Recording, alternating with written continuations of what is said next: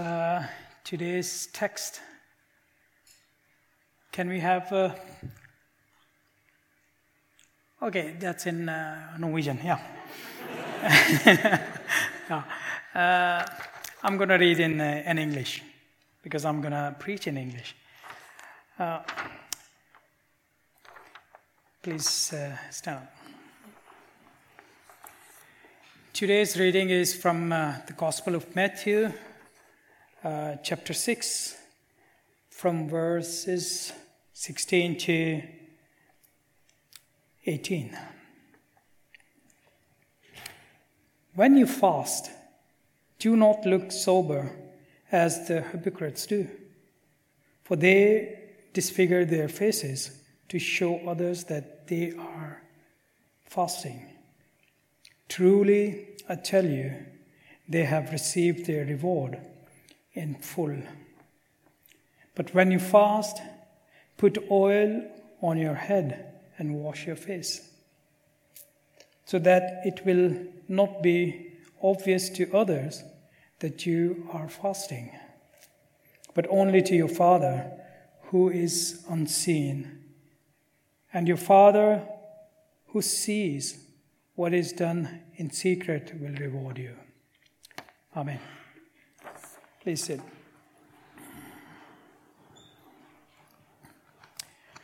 Uh, how many of you likes uh, buns? Eller bolle? Whoa. Wow. I love bolle. uh, can you tell me what's going to happen tomorrow? What we're going to eat tomorrow? What are we going to eat to- tomorrow? What? Bolla. Yes. We're going to eat uh, bolle or boller with with lots of cream and um, and different goodies. How many of you know the season of Lent? Raise your hand higher, like me. Should I count? Nine. okay, yeah. Uh, Lent. Very important.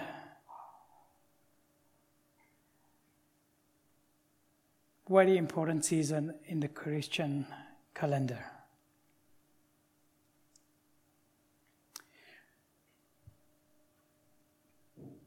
Very nice season in the Christian calendar, at least for me. Do you know the word Lent? Taken from the Old English language or English vocabulary, where it's mean to lengthen or prolong your day. To, to make your day a bit longer, to make a bit lengthy.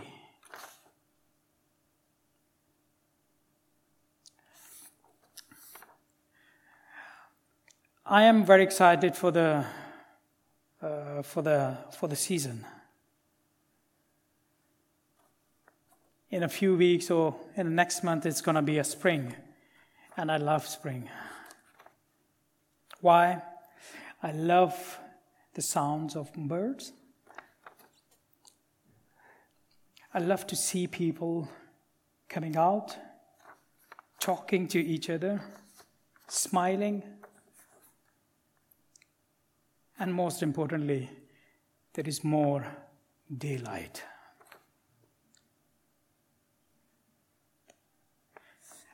Even though I'm excited for the, for the spring, but I'm much more excited for the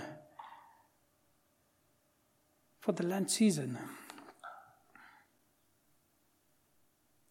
In a season of spring, we, we enjoy to, to hear the birds, We enjoy to meet each other. Love to see people smiling. Love to see the greenery, the flowers, and everything. But for me, the, the season, which is almost most of the time comes in the springtime, it's, it's a Lent. It's a very refreshing. It helps me to, to refresh my soul, to refresh my, my faith. And it gives me the opportunity to work on my relationship with the Father.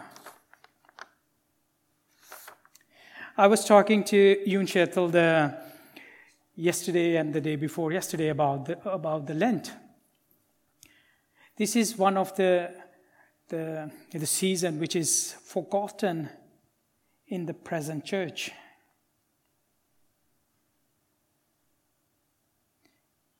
I have worked as a priest for many years, not in Pakistan, uh, not here, but in Pakistan, and in the, in the in the East or the Middle East or in the East, we love the Lent season and the Easter.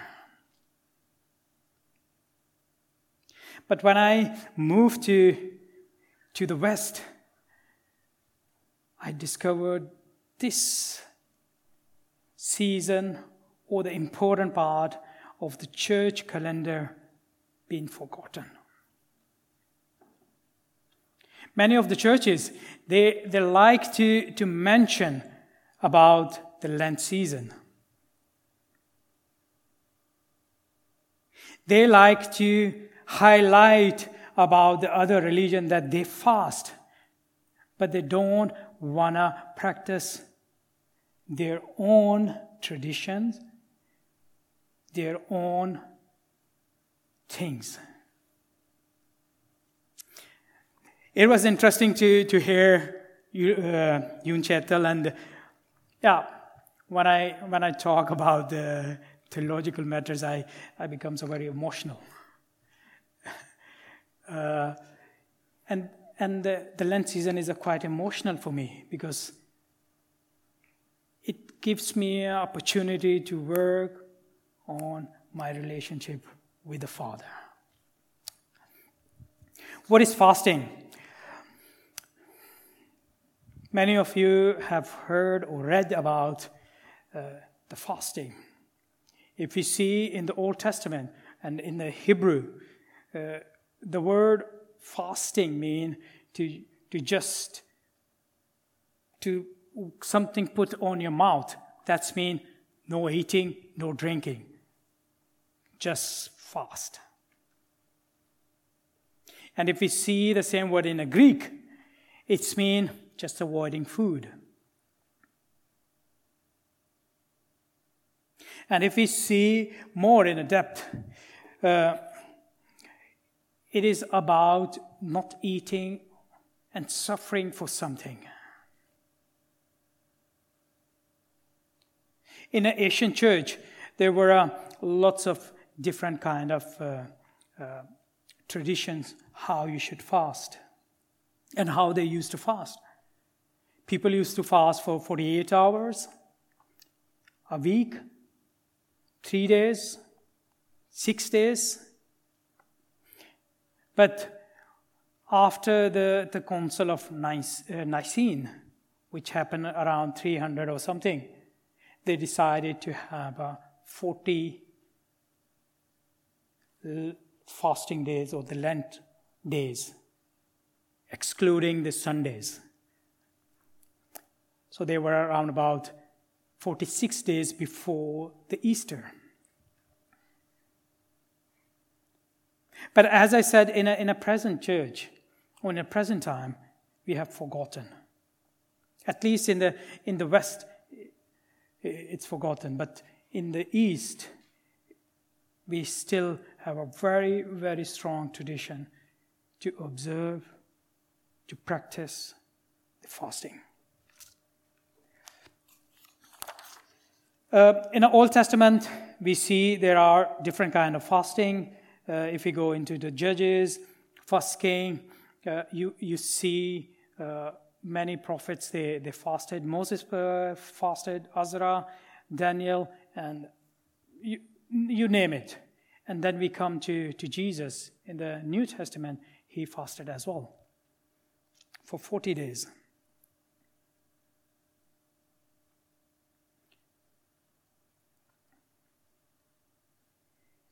All these people, when they fasted, there was a, always a reason behind it.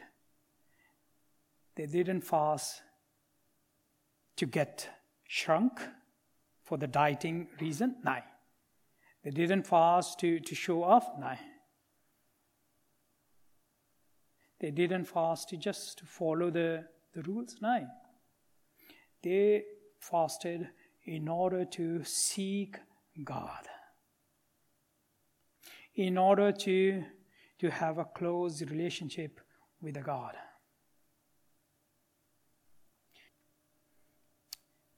Then the question comes why should we fast? And what fasting does is it benefit?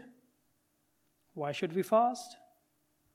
And we, we read the, uh, from the, the New Testament where Jesus is giving an example from the from the New Testament, we saw that. If we read the Matthew 9 14 to uh, 17, it's written there. Then John, John's disciple came and asked him, How is it that we, are the Pharisees, fast often, but your, but your disciple do not fast? Jesus answered, how can the guest of the groom, uh, bridegrooms mourn while he with them? He is with them. The time will come when the bridegroom will be taken from them. Then they will fast.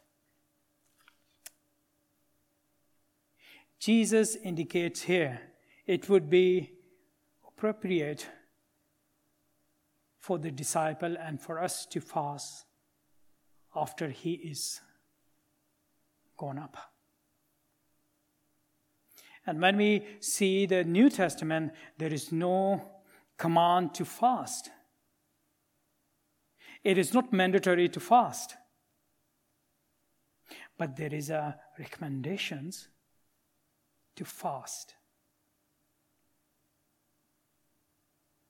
Now, again, the question comes here. Since there are recommendation, why should we fast? I was reading a one book, and then uh, one of the author he, he writes here, in fasting you are withholding from, from yourself something you need, in a bracket, food, in order to prosper something you need even more communion with God. I love eating. And if you follow my uh, Instagram, I put uh, lots of eating things. Uh, I make things and I, I, I take pictures in a different angles and I try to put. I love eating. And you can imagine it's, it's hard to not eat. And especially voluntarily, you need to skip a meal. That's very hard. But here comes the, the, the, the tricky question. You love so much something, you are willing to give up to gain something better. And it happens when you fast. Of course, you, you lose the good food, but at the same time, it benefits you with the other things. Uh, there are tons of tons of uh, uh, things we can mention uh, the fast benefits with, or benefits. But I'm going to uh, mention here only a few of them. The first thing, when we fast, the fasting makes us humble. Fasting makes us humble. If we read Psalm 35, verse 13, it's written here But as for me, when we were sick, my clothing was sackcloth. I humbled myself with fasting, and my prayer would return to my own heart.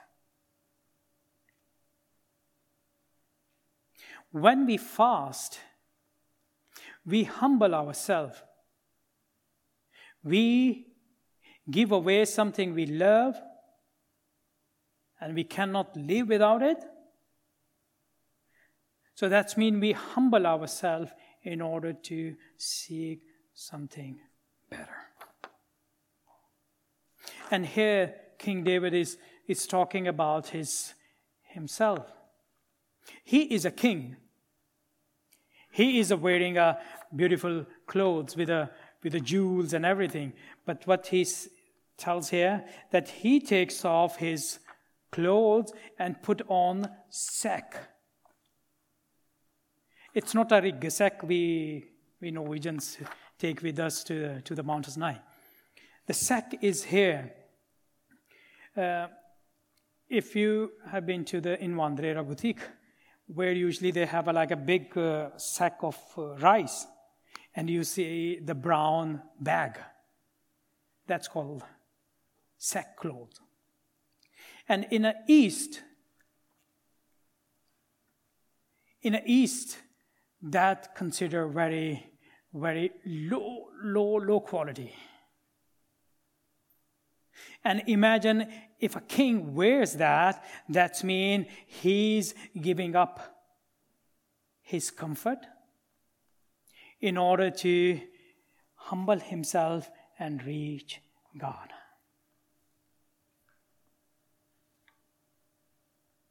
To humble yourself fasting makes you humble when we give up something food or anything. It makes you humble. You give up something. And in James, it's written beautiful uh, verse. It says, James 4:10, "Humble yourself before the Lord, and He will lift you up. Beautiful. What David is saying that he is putting on the sackcloth, and the James what is saying, when you humble yourself in front of the God, what he does, he lifts you up. When we go to, the, to God with a, with a fasting and prayer, he lifts up our spirit, our soul, our faith, our emotions. You, you name it, whatever you bring, bring to God. The second thing is fastings, fasting help us to, to grow in faith. Last year, uh, last year I'm saying, uh, Last Sunday, I was preaching in a, on a Sunday service, and the Sunday text was uh, about Jesus' transfiguration, where Jesus transformed into, into light and his clothes gets changed. If you read the same story, when Jesus came down from there, his disciples were with him. And suddenly, one man comes to, to him, uh, uh, to the disciples, with a boy and asks them, heal, heal the boy, because this boy is possessed. And uh, some of the, the disciples, they try to, to heal it, but they were not able to heal him. So then they come back to, to Jesus, and Jesus they listens all the story, and then Jesus tells them, This thing happens with prayer and fasting. I'm not saying here with a prayer and fasting you you're gonna take out the bad spirit from people. No. But the, the point is here the fasting and prayer helps you to grow in faith. It helps you to trust the God. It helps you to depend on God. It helps you to seek help from God. And it helps you to trust Him 100%. It's written if, if you have a faith size of uh, uh, size of uh, what? Some huh? Sennep, yeah. Mustard, yeah. yeah. Mustard seed. You can move the mountain from here to there. Here is when you are doubting, when you, you, you have a doubt in your heart about God, pray and fast. Fast and pray. And then you will see your faith gonna grow in you. Fasting and prayer helps you to come out from many things. In today's culture, the society leads you to, to become um, emotionless. It leads you to not trust in God. It creates lots of doubts in your heart. But prayer and fasting helps you to trust in God 100%. When you fast, you pray, you spend time with the Father. The fourth thing is fasting and prayer helps you to, to have a stronger relationship with the Father. It helps you to work on your faith, to work on your, on your relationship. There are many young people, uh, many of uh, you know, when you get a boyfriend or girlfriend, you spend time, time in order to build up the relationship. You spend the time to get to know each other. You spend the time with each other in order to, to know and build up the future. When you fast and pray, it gives you the same thing. You work on your relationship with the Father. You get a more time to spend with, with Him to build up your relationship. And with fasting and prayer, you get to know each other. You started to listen to, to the Father. So, therefore, fasting and prayer helps you to spend more time and make your relationship, your friendship stronger without, without any other person, without any destruction, disturbance, or interference. It gives you the time to work on your relationship. You know, and I know, many of us, we, we are uh, addicted to, to many things. Maybe those things I can mention here, maybe internet, Facebook, Instagram, Snapchat, food, sports, which hinders us to, to spend more time with the Father. But fasting and prayer gives you the opportunity to build up that relation again. The last thing I want to mention in the, the benefit of the, of the fasting, it helps you to come over the temptation. Can anyone, anybody tells me about the greatest temptation in the, in the, in the Bible? A story about the temptation. Who was the tempted? There are lots of. Uh, okay, again. uh, the, the greatest story of temptation is the Jesus story. When he was fasting for 40 days and 40 nights, he was tempted by the, by the devil three times. Oh, at least it's uh, mentioned three times. Might be there were many more.